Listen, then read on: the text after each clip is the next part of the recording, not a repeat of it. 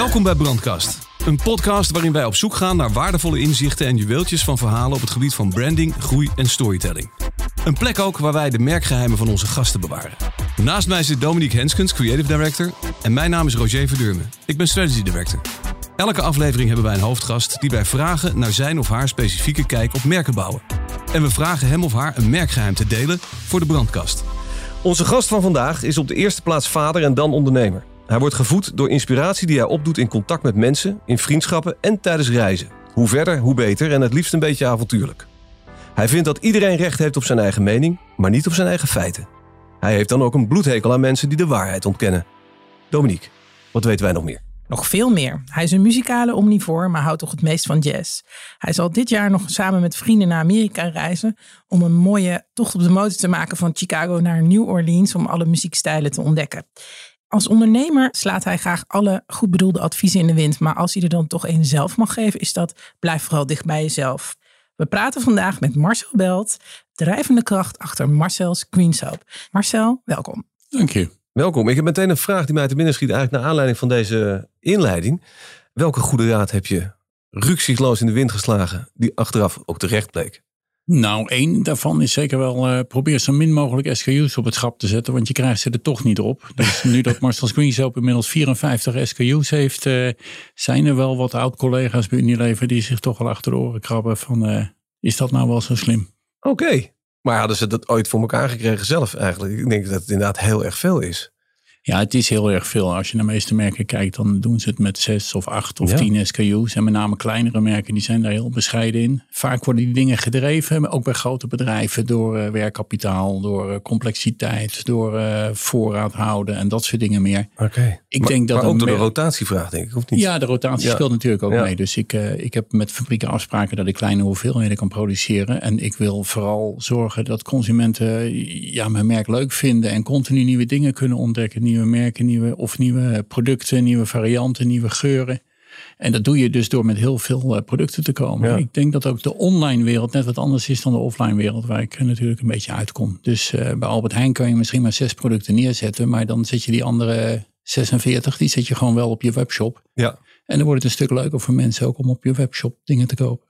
Eén dingetje voordat we echt gaan starten. Ik heb best wel veel bekeken, ook van wat je vertelt in interviews en ook in de podcast eerder. Maar wat eigenlijk niet echt belicht werd, dat was waarom eigenlijk groene zeep? Dat is een hele gekke vraag misschien. Ik zie je ook denken van, hm? Maar waarom heeft de wereld groene zeep nodig? Wat is er eigenlijk mis, ik wist het echt niet, met gewone zeep? Wat is er zo schadelijk aan een eenvoudige SIF allesreiniger? Tja, heb je even. Wat is er niet fout aan? Het is, meestal is het op chemische basis. Dus het zijn chemische producten. Dus je hebt de aardolie voor nodig om ze te maken. Dus, en we weten allemaal dat aardolie eindig is. Daar komt bij dat als je helemaal door het grootsteenputje of door het toilet spoelt, vervuil je zeg maar, daarmee het milieu en het oppervlaktewater en dergelijke. Dus zowel van tevoren als na het gebruik zeg maar, is het gewoon een heel slecht goedje. Tijdens het gebruik ook nog eens een keer, want de tafels of de spullen, de tegels, de vloeren die je ermee schoonmaakt, die zijn niet zo bestand tegen dingen die chloor hebben of zuur hebben of allerlei van dat soort ingrediënten. Daar komt bij dat ze vaak verpakt zijn in uh, 100% virgin uh, plastics. Hè, dus plastics die uh, gewoon direct vanuit aardolie zijn gemaakt. In plaats van dat ze gerecycled plastic of andere materialen gebruiken. Nou ja, zo kan ik nog wel even doorgaan. Maar, ja, en met name dat laatste gaan we het natuurlijk zeker ook nog over hebben. Want dat is wel een heel belangrijk punt van uh, Marcel's Green Soap volgens mij. De verpakking. Ja. Wil je ons even meenemen in je achtergrond? Ja, ik ben heel lang, heel lang geleden ben ik begonnen bij Unilever. In 1990 was dat. Ik denk dat daar mijn achtergrond ongeveer moet beginnen. Dus ik had gestudeerd op een technische universiteit. Ik wilde eigenlijk de rest van mijn leven gaan reizen vooral. Maar ik had een studieschuld die ik af moest betalen. En ik had daarnaast uh, een advertentie gezien van uh, Unilever. Een wereld van mogelijkheden. Dus kom bij ons werken en dan binnen twee, drie jaar zit je in het buitenland. En dat was betaald. Dus ik dacht van nou, dat lijkt me wel een mooie route. Dus zodoende gesolliciteerd bij Unilever. Bij Unilever begon in 1990 en elk jaar vroeg ik weer wanneer mag ik weg, wanneer mag ik weg. En toen in 1994 mocht ik naar, naar Hongarije toe. Dat was net open na het, de val van het ijzeren gordijn. Toen heb ik daar drie jaar gewerkt en echt een fantastische tijd gehad. Echt heel veel ja, ondernemen. Unilever had daar een aantal zeepfabrieken gekocht. Dus die merken die moesten geunileveriseerd worden. Ja, na, Dus, eh, na een communistische periode het natuurlijk ook een walhalla voor merken bouwen. natuurlijk. Ontzettend leuk, ja. Ja, ja, En een mix van zeg maar, de grote internationale merken in combinatie met de lokale merken die ze dan gekocht hadden. Toen ben ik na eh, drie jaar ben ik naar eh Milaan verhuisd in, in Italië. Daar was ik Europees verantwoordelijk voor een groep van schoonmaakmiddelen. Voor Unilever ook. En toen ben ik in 2000, ik was inmiddels mijn vrouw tegengekomen. We hadden inmiddels één dochter. Mijn vrouw wilde graag terug naar Amerika. Toen ben ik voor Reckitt Kiezer in New York of net buiten New York begonnen. En daar heb ik tot 2004 gezeten. Toen zijn we met inmiddels drie dochters en mijn vrouw zijn we naar Mexico verhuisd. Daar was ik eh, aanvankelijk marketingdirecteur en later eh, heb ik ook daar de algemeen directeur eh, baan gedaan voor Reckitt Kiezer in Mexico. En daarna in 2006 teruggekomen naar Nederland met mijn drie dochters. En eh, bij Reckitt Kiezer gewerkt tot 2012 of zo. Nou, nou, nou klinkt het net alsof eigenlijk internationaal reizen je enige drijfveer is. Maar volgens mij is dat niet zo. Wat zijn je drijfveren? Nou ja, ik vind inspiratie vind ik ontzettend belangrijk. Mhm. Wat je in je introductie ook al zei. Ik vind altijd dat je dicht bij jezelf moet blijven. Maar ik vind ook altijd dat met alles wat je doet of dingen waar je mee bezig bent, dat je daardoor geïnspireerd moet raken. En dat moet uit je relaties komen, maar ook uit de muziek die je luistert of de films die je ziet of eh, het werk wat je doet. En eh, als op een gegeven moment werk mij niet meer inspireert, dan haak ik af. En ik denk dat dat eigenlijk ook wel voor heel veel mensen geldt. Maar truc is denk ik wel om het toe te geven. Was, was dat ook de reden om Marcel's Green Soap te beginnen? Ja, een combinatie van factoren. Ik, ik vond het ten eerste eh, dat, dat entrepreneur zijn, ondernemer, vond ik eh, iets wat me wel heel erg aansprak. Het was een praktisch puntje. Ik had drie dochters. Ik deed eh, in mijn eentje de opvoeding voor hen. En toen mijn oudste dochter zo 14, 15 was en weer een volgende au pair haar intrede deed. want elk jaar moet je een nieuwe au pair, want die mogen maar een jaar blijven. Dus toen de volgende au pair kwam, toen zei eh, mijn oudste dochter van ja pap, wat moeten we nu weer met zo'n au pair? Ik bedoel, ze spreekt geen Nederlands, ze kan niet fietsen, ze weet niet waar mijn school is of waar de, waar de voetbalclub is. Ja. En elk jaar krijgen we weer zo iemand en ze kan nog niet eens koken ook. Dus toen zei ik tegen mijn dochter van oké, nou we kunnen stoppen met de au pairs. Dan blijf ik gewoon eh, wat meer en wat vaker thuis. En dan, eh, dan gaan we het op die manier doen. Moeten jullie wel een beetje meehelpen, want ik ga niet hier de hele dag eh, jullie troep opruimen. Nou, daar hebben ze in toegezegd, tot mijn verbazing. En, Dat hebben ze ook eh, gedaan. En dat hebben ze ja redelijk goed gedaan. Zeker, zeker, zeker. Ze komen ook regelmatig nog steeds thuis en ze zeggen waarom hoeven vriendinnetjes niet de vaatwasser in te ruimen. Dus eh, ik denk van nou, het is maar goed dat je het hier wel moet, mag doen. Dus toen ben ik een tijdje thuis gebleven. Nou ja, en dat het bloedkruid werd niet gaan kan. Als de kinderen dan naar school gaan om eh, half negen 's ochtends, dan begon ik toch wat eh, een businessplannetje of een merkenplannetje of zoiets te schrijven. En op een gegeven moment werd dat groter, groter, groter. Toen ben ik wat focusgroeps gaan doen met eh, wat dames uit de buurt. Van goh, eh, wat vind jij hiervan? Wat vind jij hiervan? Nou, dat vonden ze eigenlijk allemaal wel een mooi idee. Samples gaan maken, producten gaan uitproberen, fabriek opgezocht. En een half jaar later eh rolden de eerste producten van de band. Het gaat ook over waarde toevoegen voor jou. Dan Ja, absoluut. Voor, voor je nieuwe merk wat je hebt neergezet. Ja, ik denk als je niet op de een of andere manier ergens waarde aan toevoegt, dan eh, heb je er niks te zoeken. Ik heb die discussie ook wel eens met distributeurs of met partijen in de supply chain. Die zeggen van je kan het bij mij kopen en dan haal ik het bij iemand anders vandaan. Ik zeg nou geef me het telefoonnummer van die andere persoon maar. Want als het enige wat jij bent een doorgeefluik is, dan voeg je geen waarde toe. En dat zeg ik dan ook meestal tegen die mensen. Dat is een gratis tip, dus doe ermee wat je wil. Maar als je geen waarde toevoegt, dan word je er vroeg of later echt ook uitgesneden. Dus je moet iets doen. Je moet iets aan waarde toevoegen. En waarom dan het besluit om te gaan voor dit product, voor deze productcategorie ook? Want je had alles kunnen kiezen, daar thuis eh, op de oprit, de kinderen uitzwaaiend. Ja, er zijn veel mensen die denken, nou, ik zit mijn hele leven in wasmiddelen of in margarine of in weet ik veel wat. Dus nu ga ik iets compleet anders doen. Ja, ik vind als je een eigen bedrijf of een eigen merk begint, voor mij is het belangrijkste dat je er succesvol in bent. En succesvol ben je denk ik door gewoon een thuiswedstrijd te spelen. Door gewoon iets te doen waar je heel goed in bent. En wat je al, waar je heel veel ervaring in hebt. En waarin je gewoon in bewezen hebt dat je snapt hoe het werkt. En uiteindelijk, hè, dat geldt voor eh, mijn business, maar voor heel veel producten, merken. Je speelt Champions League. Dus je, speelt tegen de- de beste van de wereld. Tegen Unilever, tegen Albert Heijn, Procter Gamble. Dus wil je die schapruimte of dat keukenkastje winnen van hun, want dat is eigenlijk waar het om gaat. Want er staat maar één wasmiddel eh, zeg maar in het kastje. Er is ook maar beperkte ruimte natuurlijk bij een, eh, bij een Albert Heijn. Dan moet je dus beter dan hun zijn. Dus dat wat jij aanbiedt aan de retailers en ook aan de consumenten moet beter zijn dan Unilever, Procter, Henkel, Reckitt Bank, Kiezer, noem maar op bij elkaar. Nou, dan moet je goed beslagen te ijs komen. Hoe lang besta je nu?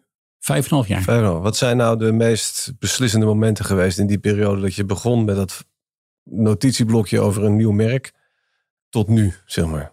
Nou, het eerste was denk ik dat ik, uh, dat ik mijn eerste productieorde bij de fabriek plaatste. Dus minimale hoeveelheid was 80.000 flessen. Dus dat was best wel veel. Dat was ook een uh, flinke aanslag op mijn uh, pensioen. Wat ik hiervoor vrijgemaakt had. Je hebt dat helemaal zelf gefinancierd? Ja, nog steeds. Ja. Dus die 80.000 flessen die kwamen de fabriek uitrollen. En hij zei, waar moet ik ze neerzetten? Ik zei, waar moet ik ze neerzetten? Die laat je toch gewoon in de fabriek staan tot ze verkocht zijn? Ik zei, ja, nee, zo werkt het hier niet. Dus toen moest ik hals over kop nog een uh, opslag uh, verzinnen. Ik had me niet gerealiseerd hoeveel 80.000 flessen is. Maar dat zijn ongeveer vier vrachtwagens vol met zeep. En ik dacht van nou, ik heb in ieder geval voor de rest van mijn leven genoeg zeep nu in huis. En, uh, Wat ook gebeurt. En toen ben ik maar heel hard gaan verkopen. Toen was er geen weg terug meer. Want ik had 100.000 flessen in het magazijn staan. En ik denk, shit, die moet ik nu kwijt gaan raken.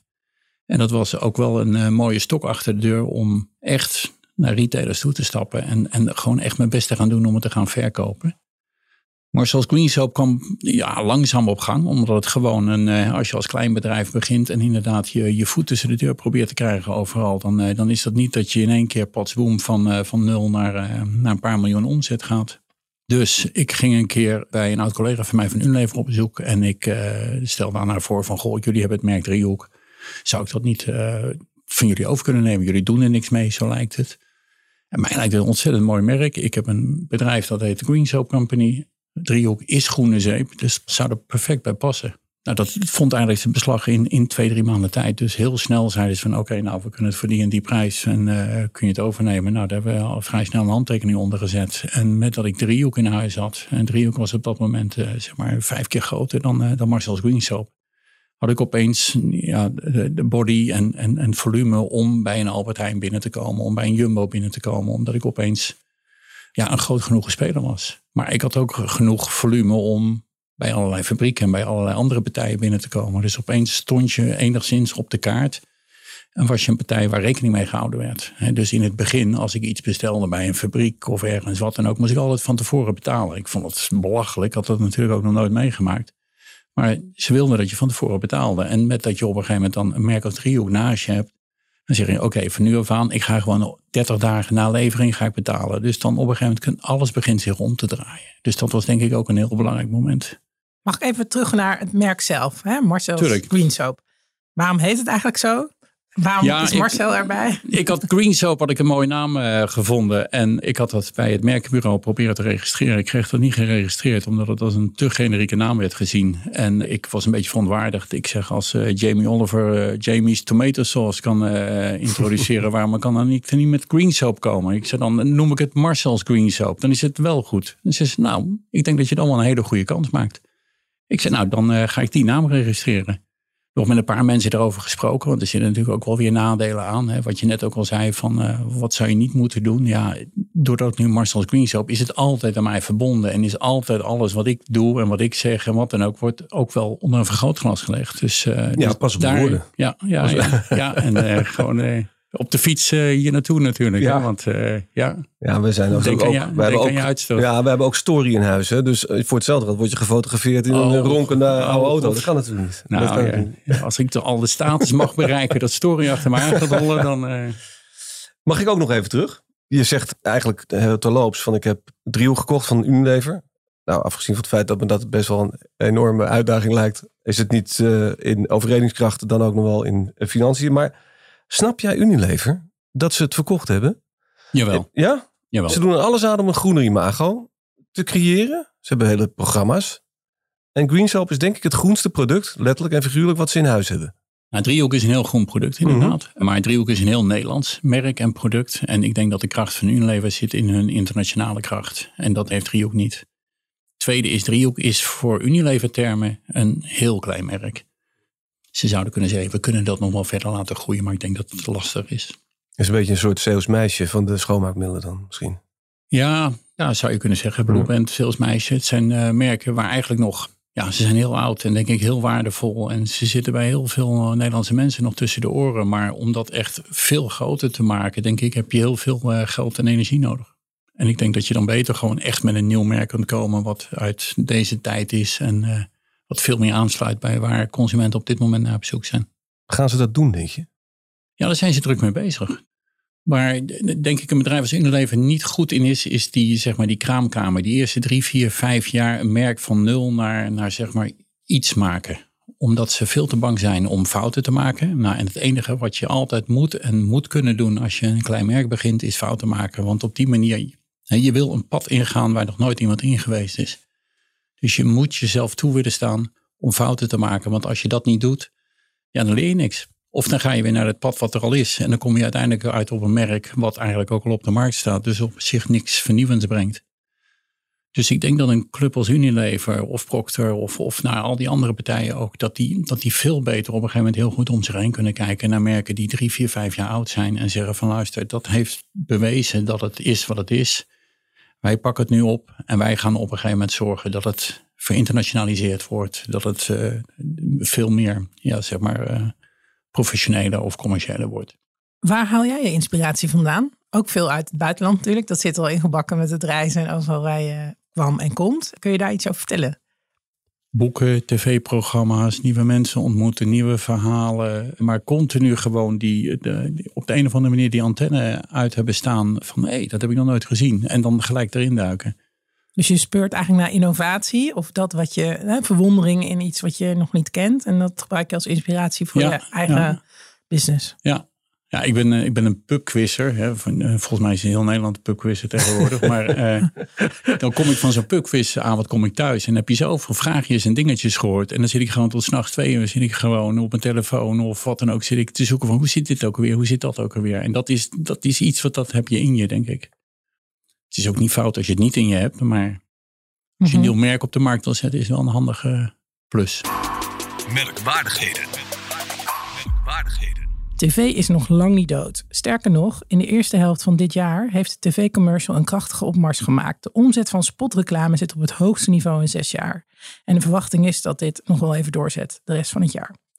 Nog een leuk SEO-feitje. Uit recent onderzoek van SEMrush blijkt dat langere content beter scoort dan kortere stukken. Artikelen van meer dan 3000 woorden genereren maar liefst drie keer zoveel traffic als teksten van bijvoorbeeld 1000 woorden. Dit is geen vrijbrief voor contentopvulling, maar wees niet bang compleet te zijn en je teksten meer relevante en aanvullende informatie te geven. De lezers waarderen dat. En wat viel verder op? Adverteerders hebben als mediamakers een belangrijke rol om stereotypering te doorbreken. In Marketing Week stond een Brits onderzoek waarin wordt aangetoond dat diverse representatie van mensen in commercials een positief effect heeft op de beleefde inclusiviteit en daarmee ook op merkvoorkeur. Dus adverteerders moeten niet onderschatten hoe belangrijk hun rol is op het gebied van inclusiviteit en het effect daarvan op hun merk ik hoorde je zeggen over tv is nog lang niet dood. En toen dacht ik ineens van ja, Marcel is ook op tv. De laatste tijd in geval. Marcel is ook nog lang niet dood. Nee, die is, nou, ik hoop ook nog lang niet dood. Nee, reken maar. Nee, maar je, bent ook, je, bent ook, je hebt er ook bewust voor gekozen om best wel flink in de bus te blazen op tv. Viel mij op. absoluut. Ja. Toch omdat? Nou, omdat ik uh, vind dat er, uh, of vind, dat is uh, een feit, blijkt nu ook uit wat Dominique zegt. TV is bij uitstek het medium om heel snel heel veel mensen te bereiken daar kan online en allerlei andere media gewoon bij far niet aan tippen. Het is wel een medium waarvan ook gezegd wordt dat het vooral de oudere doelgroep bereikt. Terwijl ik juist het gevoel heb dat jij met jouw merk best wel heel erg op het spoor zit van een jongere doelgroep. Ja, nou, ik zet nou ook oudere mensen wel hoor. Dus ik, uh, mijn uh, duurzaamheid is niet per se voorbehouden aan, uh, aan mensen onder de 30. Ik zet met name tv in om merkbekendheid omhoog te krijgen. Dus dat is voor mij heel belangrijk. Het merk is nog onvoldoende bekend, maar bij een heel klein groepje mensen. En ik wil die merkbekendheid gewoon stapsgewijs naar 10, 20, 30 procent zien te krijgen. Dus toen ik op tv begon, zat ik nog ver onder de 10 procent. Als je dan in die situatie zit, dan is tv by far het beste medium om in te zetten. Als je dan op een gegeven moment je merkbekendheid naar 20, 30 procent wil hebben en je gebruikt daar dingen als Facebook of Google voor, dan ben, je, dan ben je heel lang bezig en dan ben je heel veel geld kwijt. Ja, precies. Ook al ben je van oorsprong toch digitaal georiënteerd bedrijf, wat ook een hoop van distributie digitaal doet. Ja, klopt. Nee, dat is zeker zo. Maar ja, dat is ook een beetje kostengedreven. Ik bedoel, ik heb niet de luxe dat ik als ik een merk introduceer, dat ik gelijk bam 4 eh, miljoen aan ondersteuning op, eh, op tafel kan leggen om, eh, om dat merk gelijk bij iedereen tussen de oren te krijgen. Ja. Dus bij mij is het continu een beetje voor de feiten uitlopen. Maar ja, op het moment dat ik geld begin te genereren, kan ik dat in mijn merk stoppen. Maar het is niet zo dat ik, uh, zoals bij die grote bedrijven, dat ik uh, rechts in mijn bureau een la heb zitten die elke ochtend weer helemaal tot de nog vol is met geld. Wat, uh, wat bij Unilever natuurlijk wel altijd zo was. Kun je voldoende je verhaal kwijt? in je commercial? Ja, ik denk het wel. Nogmaals, ik, ik ga van branding. En volgens mij noem ik in 15 seconden noem ik vier of vijf keer mijn merk. Maar op een volgens mij niet irritante manier. En weet ik op die manier denk ik wel zeg maar, het, het verhaal van Marcel Green Soap. Maar tegelijkertijd ook de merknaam goed onder de aandacht te brengen. Ik heb een hele atypische stijl. De commercials die op de bui zijn waren eigenlijk Facebook eh, filmpjes. Daarom duren ze ook maar 15 seconden. Omdat we weten dat na 7, 8 seconden uh, word je weggeklikt bij, uh, bij Facebook. Dus ik had hele korte commercials, maar die waren ook lekker goedkoop op tv. En toen we getest hebben voordat we op tv gingen, bleek ook dat ik zo'n goede stand-out had in een, in een reclameblok. Omdat ik zo anders ben dan alle andere commercials. Dat de herinnering van, uh, van de commercials gewoon heel erg goed waren. Dus dat testen, daar investeer je wel in. Dat gebeurt wel ook. Ja, nou ja, kijk, ik investeer nu echt heel veel geld in, uh, in tv. Dat, dat gaat tegen het miljoen aan. Dus uh, dan een test van 2000 euro, dat vind ik wel de moeite waard. Ja. En testing en doing, testing en doing, dat is een beetje de manier waarop je het nu moet doen. Ja. Een mooi bruggetje naar storytelling. Ja. Want jij zegt, uh, kun je je verhaal kwijt in je commercial? We hebben je ook gevraagd om een uh, zes woorden uh, story voor ons te maken. Een schoon huis, een schone wereld. Ja, kun je daar toch met wat meer dan zes woorden duiding aan geven? Ik heb het gevoel dat zeg maar, de hele categorie van was- en schoonmaakmiddelen en persoonlijke verzorgingsproducten eigenlijk tot een paar jaar geleden alleen maar op dat eerste stuk zaten, een schoon huis. En alle claims, alle merken, alle proposities waren erop gericht. Hoe krijg ik mijn huis schoon? Maar die tweede component die minstens zo belangrijk, misschien niet nog wel belangrijker is. Daar werd eigenlijk door geen enkel merk aandacht aan besteed. En dat is wat ik nu probeer te doen door een merk als Marcel Queens op neer te zetten. Een schoon huis in een schone wereld. Heb ik toch een vraag. Want jij uh, hebt een ongelooflijk breed, want je noemt het net zelf al. Hè? Het is nog heel moeiteloos eigenlijk een brug tussen household cleaning of het schoonmaken van je huis en persoonlijke verzorging. En toen ik daarnaar keek, naar dat assortiment, dacht ik van, is het niet voor sommige mensen gek? Omdat het ook echt heel erg op elkaar lijkt. Het is echt, de branding is helemaal identiek door de hele lijn. En hebben sommige mensen niet het idee dat ze hun oksels staan te wassen met allesreiniger? Zal ik maar even zeggen, weet je wel? Kan het niet verwarrend zijn? Ja, ik begrijp het probleem. Al een toiletreiniger best wel handig is met die bocht. Ja. Uh, ongetwijfeld. Om, om dat deo te gebruiken. Maar uh, dat klopt. Een merk verzinnen wat zeg maar van personal care naar handsoaps, naar de cleaning, naar toiletreinigers en wasmiddelen gaat. Dat was altijd de holy grail bij alle bedrijven waar ik tot op heden gewerkt heb. Ja, en het is nooit gelukt volgens mij. Het is nooit gelukt en ik denk dat het nooit gelukt is omdat men, als men dan een merk of een propositie of een verhaal neerzette, dat ze die USP altijd relateerden aan een bepaalde categorie waar ze actief in waren. Dus dat is denk ik één reden waarom het niet gelukt is. Dus als je heel hard gaat lopen roepen dat je alle vlekken verwijdert als een wasmiddel, ik noem maar wat, en je zegt daarna ik kom met, uh, met Omo handsoap, dan zeg je ja, ik heb geen vlekken op mijn handen of uh, ik heb geen vlekken onder mijn oksels of, uh, of dat soort dingen meer. Dus de relevantie daarvan is er gewoon niet. Dus hebben dat merk Omo bijvoorbeeld al van het begin af aan heel erg geladen met allemaal elementen die heel erg geassocieerd worden met wasmiddelen en met, met laundry en met, met kleding. Dat op een gegeven moment dat merk niet meer kan stretchen. En hetzelfde geldt voor een merk als Dove bijvoorbeeld, wat helemaal aan de andere kant van het spectrum zit. En met een quarter moisturizing cream. Dus de, take care of your skin. En your skin is, is alles. Nou, als je dan op een gegeven moment met een Dove toiletreiniger uh, komt, dan, uh, ja, dan is dat moeilijk te plaatsen natuurlijk voor consumenten. Twee dingen. Dus dit was één. Dus de, het functional benefit en dat aan een categorie linken. Het tweede punt wat denk ik heel erg belangrijk is. Je hebt aan de ene kant, ik, zie het als een soort vlinder. Je hebt aan één vleugel zeg maar is het personal care gebied. De andere vleugel is wassen, schoonmaken en dat soort zaken. Het lichaam zeg maar, van de vlinder, dus wat tussen die twee vleugels zit, dat is handsoap. En dat kun je eigenlijk een beetje bij, bij washing en cleaning uh, plaatsen. Want het staat op het toilet naast het toiletreiniger. Het staat in de keuken naast het afwasmiddel. En ja, het is niet echt persoonlijke verzorging. Het is zeg maar onderdeel van een, van een dagelijkse routine als je gewassen hebt of het toilet geweest bent of wat dan ook. Dus ik heb heel veel focus gelegd bij het begin in mijn merk op handsoap.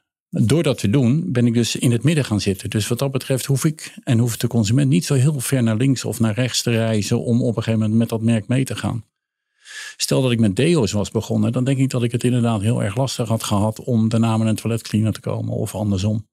Maar door in het midden te beginnen, heb je op een gegeven moment die mogelijkheid om dat verder uit te bouwen. Dus ik denk dat dat uh, heel erg belangrijk voor mij is geweest. Dan even terugkomend op mijn USP's, dus het eerste argument.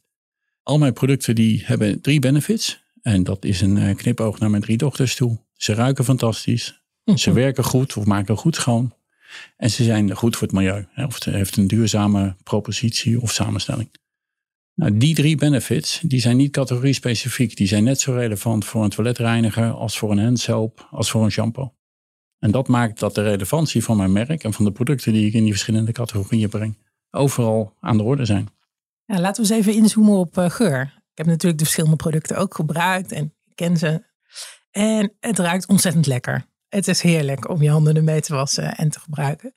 Hoe bouw je een merk met geur? Welke kennis heb je daarvoor toegevoegd? Wie gebruik je daarvoor? Wie is de neus van, van Marcel Screen Soap? Hoe gaat dat? Allereerst, ik heb die, die, die 25, 30 jaar dat ik eh, in deze FMCG-wereld zit, altijd in al die eindeloze focusgroups, als je dus op een nieuw product aan consumenten voorlegt, het eerste wat ze doen is de dop eraf draaien, ze ruiken eraan en dan zeggen ze, oeh, dat is een lekker nieuw product. En dat beoordelen ze puur met de neus. Want ze hebben er niet mee gewassen in tussentijd. Ze hebben het niet op hun handen even gesmeerd of, of wat dan ook. Dus hun neus die bepaalt, oeh, dat is een lekker product. En dat zie je dus in de supermarkt, zie je dat ook de hele tijd. Ze draaien de dop eraf, ze ruiken eraan. En als de prijs er nog een beetje klopt, dan ligt hij al in het winkelwagentje. Geur is by far zeg maar, de beste USP om dus op een gegeven moment mensen aan je merk te linken en te binden. En eh, neem een merk als Rituals, die doet min of meer eh, hetzelfde. Hebben echt hele goede en hoogwaardige eh, geuren en parfums die ze gebruiken. Hogere dosering dan normaal, dat is ook heel belangrijk. Dan kun je die consument binnen hengelen, zeg maar. Wij werken samen in een parfumhuis, dus dat doen we direct. Dus dat lijntje loopt direct tussen mij en de parfumeurs. Dus ik samen met hun ontwikkel bepaalde geuren. En wij hebben dus wel bepaalde ideeën over wat wel kan en wat niet kan. Ik weet bijvoorbeeld in het begin, ik ben heel erg fan van, van kokos bijvoorbeeld. Dat vind ik een hele lekkere geur. Maar toen legden we die in het begin aan een aantal consumenten voor. En dan zeiden ze, ja, je kan niet met kokos schoonmaken, want kokos is vet. Dus je zit eigenlijk gewoon vet op je aanrecht of op je borden te smeren. Dus nou ja, dat soort kwartjes die vielen dan wel dat er bepaalde no-go areas waren. Zo nou, luistert dat dus. Dus als je de verkeerde geur kiest, dan maak je het je onmo- onmogelijk om die stretch te doen. Ja, dat Van, klopt. van, Ja. van lichaamsverzorging Ja. naar schoonmaken. Nee, dat klopt. Maar we hebben bijvoorbeeld een, een, een basilicum en vetiver eh, geur. En die hebben we dus met eh allesreinigers en met afwasmiddelen. En dat vinden mensen heerlijk. Hè? Basilicum hoort in de keuken. En, en om met een basilicum spray eh, je keukenblad of, of je woonkamer schoon te maken is heerlijk. Maar een basilicum wasmiddel. Daar was zeggen, ja, ik probeer juist die gasvlekken of, of die eh, dingen probeer ik eruit te krijgen. En nu ruikt het toch een beetje weer alsof het er nog in zit. Dus dat is gewoon een wat minder goede geur om voor die toepassing te gebruiken. Denk je dat het een vaak onderschat iets is, een geur, voor branding überhaupt? Ja, nee, dat is het. Maar ja, in mijn geval, van mijn formulering, 30, 40 procent van de kosten is parfum. Dus een groot bedrijf of een Albert Heijn of een andere partij. Oh, we moeten kosten snijden. Nou, waar ga je dan eerst naar kijken? Naar, naar je hoogste kostenpost. En dat is parfum. En dan gaan ze goedkopere parfums kopen. Ze gaan de dosering terugschroeven. En uiteindelijk heb je een, weer een middle-of-the-road-achtig eh, product. Ik wil toch nog even teruggrijpen. Want ik, ik ben eigenlijk best wel erg onder de indruk van je, van je uitleg hoe jij er wel in geslaagd bent. Terwijl, hè, wat je zegt, uh, Unilever eigenlijk steeds op de verkeerde manier begint. Lukt het dus niet om die extensie, noemen ze dat, een merkextensie te doen. Jou is dat wel gelukt. Ik kan me zo gauw niemand herinneren of voor de geest halen die dat ook gelukt is. Volgens mij ben je daar redelijk uniek in. Of zie ik dat verkeerd? Hè? Weet jij voorbeelden van anderen die dat ook gelukt is? Weinig, weinig. Ja. ja. Nee, ik kan, Ik denk ook, niemand. ik kan ook zo niet. Nou, er zullen wel merken zijn, maar eh, ik kan me ook niet zomaar merken herinneren in mijn categorie die, eh, die dat doen. Nee. Dat vind ik wel een applausje waard, moet ik zeggen. Virtueel dan. Virtueel applausje, ja. Nee, maar echt, maar echt. Ik kan me namelijk nog Blue Band Brood bijvoorbeeld herinneren. Ja, ja, ja. En toen heb ik altijd gedacht van, ze hebben er wel doorgezet. Volgens mij is het verdwenen. Terwijl het vanuit een USP van opgroeiende kinderen die het extra's nodig hebben, et cetera, kwam. En toch niet. Ja. Gewoon gevoelsmatig al niet. En uiteindelijk in de praktijk ook echt niet. Ja, merk als Iglo bijvoorbeeld, dat is vrij groot en vrij breed. Hè? Dus dat gaat van spinazie via pizza's naar tegenwoordig kant-en-klaar maaltijden. Dus eigenlijk alles wat je zeg maar voor de warme maaltijd 's avonds, Ja. vissticks. Dus dat is een, denk ik een vrij groot en breed eh, voorbeeld. Even naar de vorm. Want we hadden het al over geur. Het viel ons op dat de productverpakkingen ook, die zijn natuurlijk ook heel belangrijk. En dan zeker bij die handzeep is die relatief groot, zo'n flesje. Daar zit vast iets achter, dacht ik. Ja, Hoe zit dat? Ja, we doen niks voor niks. Nee. Nee. De reden daarvoor is dat handzeepen werden met name vrij groot anderhalf, twee jaar geleden. Dus eigenlijk net voor of net eh, aan het begin van corona. En wij bedachten van ja, mensen gaan steeds meer handzeep gebruiken. Wij wilden een prijscompetitief voorstel ook voor een consument neerleggen. En gek genoeg, een handzeepje van 500 ml is om te maken bijna net zo duur als een handzeepje van 250 ml. En dus je moet je voorstellen, de verpakking kost een derde, de formulering, dus de handzeep kost een derde en dan het produceren in een doos stoppen kost een derde. Nou, een handzeepje van 250 ml, die is uh, qua verpakking net zo duur, qua produceren net zo duur. Dat gaat net zo snel in zo'n fabriek. Dus alleen het feit dat je twee keer zoveel handzeep nodig heeft, maakt dat het wat duurder wordt. Ja, dus eigenlijk als je een derde, een derde, een derde neemt, dan is het dus 1 zesde duurder om 500 milliliter te maken versus 250 milliliter. Nou, die drempel om mensen naar groene producten te krijgen, die is heel vaak gedreven door prijs. Mensen zeggen, ja, ik wil wel uh, wat duurzamer doen, maar dan kom ik weer in de supermarkt en betaal ik twee, drie keer meer voor een duurzame handzeep of wasmiddel of wat dan ook. En dan haken ze vaak af. Dus daarom dachten we een 500 milliliter handzeep. Zeker in een tijd waarin handzeep gewoon echt er heel snel doorheen gaat bij iedereen thuis, is wellicht dan uh, wel een hele mooie oplossing. Ik net dat uh, vooral de coronatijd ook geleid heeft tot grotere verpakkingen in handzeep. Dus eigenlijk heeft de coronatijd jou ook een beetje in de hand gewerkt. Ja, die heeft, ja, ja? het liep heel erg goed voor corona. En uh, corona was een hele, voor mij, prettige wind in de rug om nog meer impact te maken. Vooral ook omdat uh, corona voor iedereen als verrassing kwam. Dus uh, Unilever, Albert Heijn, Jumbo, Procter Gamble, alle partijen die waren binnen no time out of stock op bijvoorbeeld handzeep. Precies die categorie waar ik mij uh, groot in wil. Dus werd ik gebeld door Albert Heijn, door Jumbo, door Super Unilever van goh, heb jij nog handzeep staan? En dat had ik nog staan. En ik heb mijn fabriek hier in Nederland. Ik heb mijn hele sourcing is in Nederland. Dus niet zoals bij de grote spelers dat dat ergens van ver weg komt. Dus ik kon vrij snel en vrij makkelijk een aantal grote retailers dat, uh, dat aanbieden. En het enige wat ik dan wel aan hen vroeg is van jongens, als dit straks allemaal over is, denken jullie dan ook nog aan me? Of gaan jullie dan en zet er nog wat naast. ja, maar vooral dat ze dan weer niet terug gaan naar de Unilever. Ja. Want ze gingen met name, kwamen ze bij mij uit, omdat zeg maar, de grote spelers op waren. Ja. En een aantal hebben daar uh, ja, op een hele sympathieke manier wel een gehoor aan gegeven. Door te zeggen van nou, we hebben hier nu een half jaar uh, staan vanwege corona. Maar het loopt eigenlijk best wel lekker door. Dus laten we gewoon lekker verder gaan. Ja. En op die manier heb ik inderdaad bij sommige uh, retailers echt wel een plekje op het schap kunnen verkrijgen. Oké, ja. oké. Ja, dat is wel een breekijzertje dan. Dat is eigenlijk dicht bij jezelf, ook letterlijk in productie best een goede tip.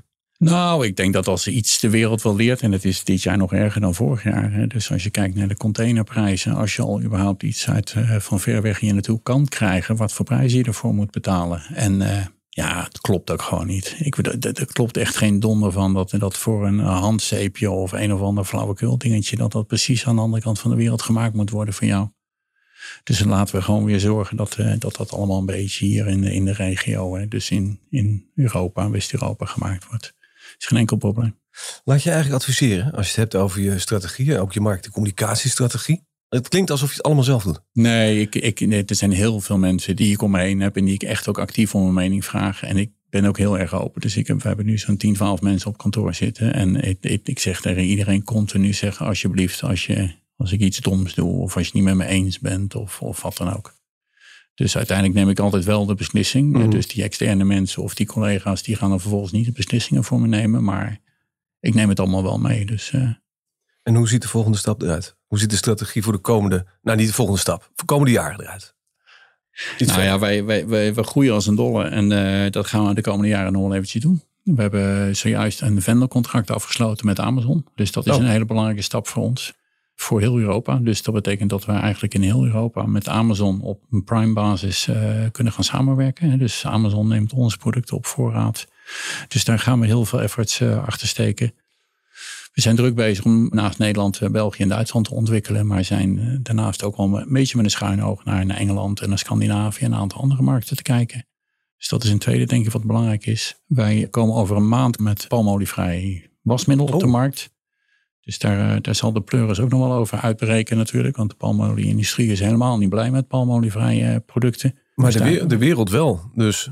Ik vind het een beetje beschamend dat, uh, dat je nog zo erg je best moet doen. En dat je daar uh, zo op aangepakt wordt als je op een gegeven moment zo'n stap wil maken. Hoe bedoel je aangepakt wordt? Nou, de palmolie-industrie die reageert daar vrij heftig op. Er stond laatst een heel artikel over in het FD onder andere. Mhm. En Dat margarine, spindakaas, uh, je hebt ook kaarsen die palmolievrij zijn mhm. en palmolievrij claimen. Die worden daar toch wel vrij snel en gelijk op aangesproken door de palmoliebranche. Dat ze daar eigenlijk niet van gediend zijn. Dat snap ik niet. Wat hebben ze dan voor een machtmiddel in handen? Ja, ze kunnen het zeggen, nou prima. Zoek het uit. Nou, ze hebben advocaten. Ze hebben hele diepe zakken. Maar dan kunnen ze zeggen van er staat palmolie vrij op. En dan zeggen ja, ja, het is het ook. Dus? Nee, het is te simpel gedacht waarschijnlijk, maar leg eens alsjeblieft even uit. Want nou, wat, wat hun argumenten dan is, is dat je palmolie in een kwaad daglicht stelt. Door palmolievrij te zeggen? Door te roepen dat je palmolievrij bent. Door palmolie bijvoorbeeld te linken met het feit dat dat iets te maken zou kunnen hebben met het feit dat er regenwouden gekapt worden. Oh, dan heeft Marcel van Wing het zwaar eh, met zijn uh, margarine, denk ik, op dit Marcel heeft het er ook wel zwaar mee. Ja, ja, dus ik spreek hem regelmatig. Ja, ja, ja. ook nog naamgenoot, allemaal allemaal. Ja. Maar hij slaat zich daar, uh, daar kranig doorheen. Dus uh, hij doet dat wel goed. Dus uh, volgens mij is dat een rol die hem ook wel past. Om, om daar lekker tegenaan te schoppen. Hoe groot wil je worden? Nou, zo groot als maar kan. Maar er zijn twee dingen die belangrijk zijn. Het gaat mij niet zozeer om het grootste marktaandeel te krijgen. Het gaat mij wel om, om de grootste impact te maken. Dus wat ik leuker en belangrijker vind, is dat grote spelers op een gegeven moment mij gaan volgen dan dat ik op een gegeven moment hun marktaandeel afpik. Dus dat betekent ook dat ik als ik met partijen in gesprek ben, dat ik eigenlijk een redelijk open boek ben en redelijk en vrij makkelijk gewoon allerlei dingen, informatie uh, met hen deel. Omdat ik op die manier hoop, zeg maar, dat, dat steeds meer spelers en steeds meer uh, kanalen overgaan op ja, wat duurzamere producten. Het is eigenlijk een open source benadering voor innovatie in product en diensten. Uh, ja. Met oog voor de wereld. Eigenlijk ook zoals bijvoorbeeld Volvo doet. die delen heel erg hun data als het gaat om car crashes en uh, hoe je zeg maar nou, veilige auto's kan bouwen. Beschikbaar voor alle automobielindustrie om te gebruiken om hun producten beter te maken. Zodat er minder mensen overlijden in uh, auto-ongelukken. Ja, heel slim. En dat is eigenlijk een beetje, ja, een beetje hetzelfde idee dan misschien wel. Dus door, door hoe meer zeg maar, andere merken hetzelfde roepen als wat ik roep, hoe meer dat zeg maar, echt beklijft bij consumenten. En hoe meer dat zeg maar, echt bij iedereen tussen de oren komt. En daar is het maar uiteindelijk om te doen. B Corp certificatie? Ja, ben ik, nog niet, ben ik nog niet aan toegekomen. Met welk merk concurreer je? Als je dan toch, hè, want je hoopt natuurlijk op dat eigenlijk anderen jou kopiëren. Of misschien dat je een voorloper kan zijn, zodat zij meegaan. Heb je ook een concurrent en zou je die dan, wie zou je dan benoemen? Nou, wat ik hier altijd op antwoord is dat mijn grootste concurrent is, is de onverschillige consument. Dus de consument die zegt, joh, maakt mij niet uit als het maar goedkoop is of uh, wat ik in mijn winkel kan krijgen of wat dan ook. Dus ik zou echt, als ik consumenten kan vertellen, het doet er wel degelijk toe welk merk of welk product je koopt. Omdat dat gewoon ja, bepaalt hoe uiteindelijk de wereld eruit gaat zien over, over 10, 20, 30 jaar. Dus probeer die impact als consument te gebruiken door niet onverschillig te zijn en echt gewoon voor wat vaker zeg maar, een duurzame keuze te maken. Hoe blijf je je tijd ver vooruit? Want ik weet dat, daar hebben we het helemaal niet uitgebreid over gehad, maar de gerecyclede fles is een heel belangrijk uh, speerpunt, denk ik. Maar er komt natuurlijk een moment dat, nou ja, iedereen gerecycled kan gebruiken, kan weer niet, want dan heb je geen virgin. Maar je begrijpt wat ik bedoel. Het is op een gegeven moment niet meer echt onderscheidend. Hoe blijft Marcel's Green Soap zijn tijd vooruit? Nou, veel partijen die zijn zo langzaam dat dat nog wel eventjes zal duren. maar uh, ik, ik, nodig ze echt van harte uit. En uh, dit is dan bijvoorbeeld weer een mooi voorbeeld. Hè. De leverancier van ons gerecycled plastic, die kwam een jaar vier geleden naar mij toe. En ik heb gezegd, nou, ik, ik ga het gewoon doen. En hij zei, ja, ik ben al vijf jaar of zo met Unilever in gesprek, maar ik kom daar gewoon niet binnen. Maar doordat hij met mij is gaan samenwerken, staan die flessen op het schap. En vervolgens kan hij met die flessen naar Unilever of naar andere partijen toe en zeggen van, het kan gewoon, waar wachten jullie op? Dus daar werkt dat open source en daar werkt dat verhaal ook weer van die voorbeeldfunctie of voorop blijven lopen. En dus inderdaad fouten maken, maar uiteindelijk als het goed gaat, dan gaat het goed. Ik maak me eigenlijk niet zoveel zorgen over het feit dat ik op een gegeven moment ingehaald word. Ik zou het alleen maar leuk vinden. Maar ik weet zeker dat tegen de tijd dat dus de andere grote spelers bij 100% gerecycled HDPE zijn. Hè, dus het type plastic wat wij gebruiken, dan zijn wij alweer tien stappen verder. En dus een van de dingen waar ik nu bijvoorbeeld mee bezig ben, mhm. is om met plasticvrije producten te kopen. Dus we hebben shampoo bars, shower bars en deo sticks die in een kartonnen hulsje zitten. Dus daar komt nul plastic bij. Dus als het product op is, dan gooi je het gewoon bij het oud papier, de verpakking en dan is het klaar. Dus dat is bijvoorbeeld een volgende stap die we nu al kunnen maken. En op die manier denk ik dat daar die ontwikkeling altijd wel door blijft gaan. Helder. De belangrijkste dingen die ik vond, die je gezegd hebt, zijn: je moet fouten maken. En eigenlijk in jouw omringende bedrijven, die dus veel trager zijn, is gewoon geen ruimte om fouten te maken. En dat is een groot verschil. Ehm, Je wordt erop afgestraft bij een groot Precies. bedrijf als je een fout maakt. Ja. En eh, bij ons, als mensen geen fouten meer maken, dan zeg ik van, hey, loop je wel hard genoeg of loop je niet te veel op van tevoren betreden paden? Dus Ja. want en dat laatste met name natuurlijk is wat er aan de hand is. Ja. Een ander ding vond ik heel interessant. Dus groei en omvang gaat om impact, niet om winst. Ja. Groei en omvang is superbelangrijk, maar het resultaat moet impact zijn. En tenslotte, als je breed wilt uitwaaien over meerdere categorieën, dan moet je het vlindermodel gebruiken. Je moet bij het midden, bij de rond beginnen. Iets wat tussen die meerdere categorieën in zit. Dan kun je nog alle kanten op. En dan rest de vraag welk merkgeheim leggen we van jou in de brandkast? Nou, ik denk, maar ik heb het net al verteld. Ik denk dat dat open source, dat dat wel een belangrijk merkgeheim is. Wat, wat denk ik veel meer merken en veel meer mensen zich eigen zouden moeten maken. Want als jij op een gegeven moment met je merk iets wil bereiken, en dat weten we natuurlijk, dan bereik je veel meer en ve- veel sneller dat wat je wil bereiken door het met zoveel mogelijk mensen te delen.